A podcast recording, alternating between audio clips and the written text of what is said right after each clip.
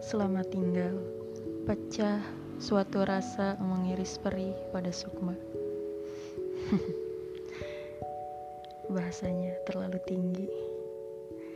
Oke. Yang tinggal hanya berupa angan yang akhirnya kenangan. Tak ada yang bertanggung jawab atas kepiluan ini. Tak ada juga yang memastikan baik-baik saja. Semua yang terjadi dalam hati harus sembuh pula dengan hati. Segala sesuatu yang pergi kelak bakal datang lagi. Banyak yang bertahan tinggal, akhirnya berucap selamat tinggal.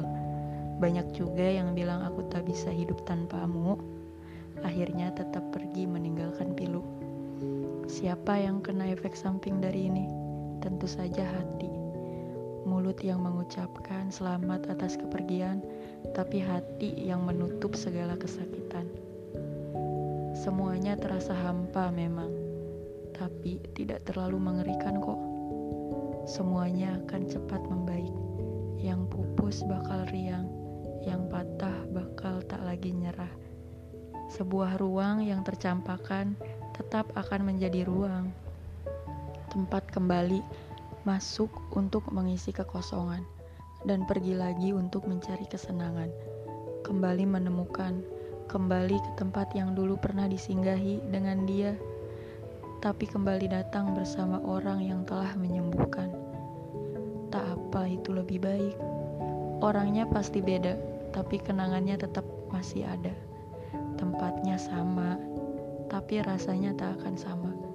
Selamat tinggal untuk kenangan yang dulu menjadi momen yang sangat diagungkan.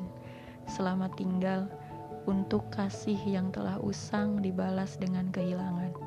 Selamat tinggal buat yang sudah membuang dalam-dalam. Semoga dirimu lekas menemukan.